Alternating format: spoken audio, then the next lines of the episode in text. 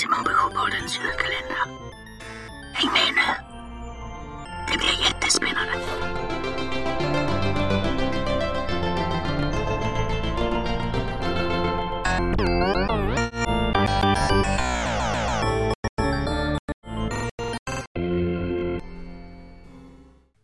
Femte december.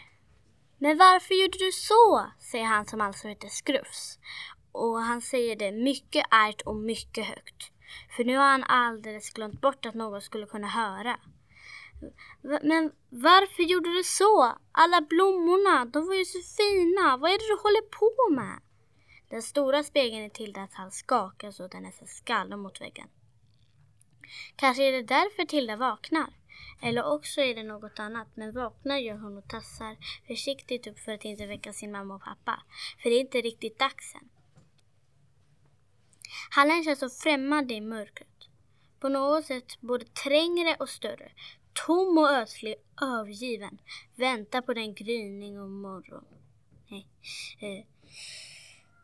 Golvet är kallt mot Tildas bara fötter och taket. Vad är taket? Högt, högt upp som i en väldig kyrka. Hallbyrån kurar, ki, kurar i sitt hörn. Ett tungt djur hukade, hukande i skuggorna. Och det låter som om det jämrar sig när Tilda smyger förbi. Men det är nog bara golvplankorna. De knarrar och klagar vid varje steg hon tar. Och nu stiger ett barns gråt från våningen under upp mellan springorna. Annars är det tyst. Eller är det verkligen det? Nu spolar grannen ovanpå i toaletten. Nu bromsar en bil in för att svänga höger på Upplandsgatan. Nu susar det och, knackar och knakade och viskade i Tildas gröna hus. Och, och om hon hade trott på spöken hade hon nog sprungit tillbaka till sitt rum och, säng, och sin säng igen. Men tror hon på spöken? Egentligen inte. Egentligen. Just det.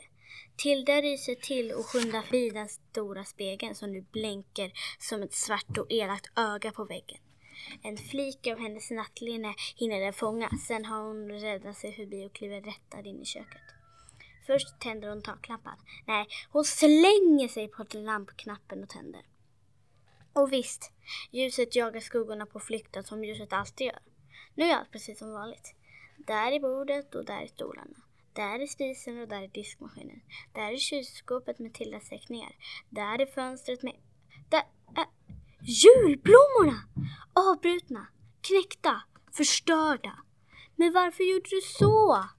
Har du inte förstått det? säger han som Skrufs ibland försökt hindra att skratta och skrika. Men nu skrattar han inte och skriker inte.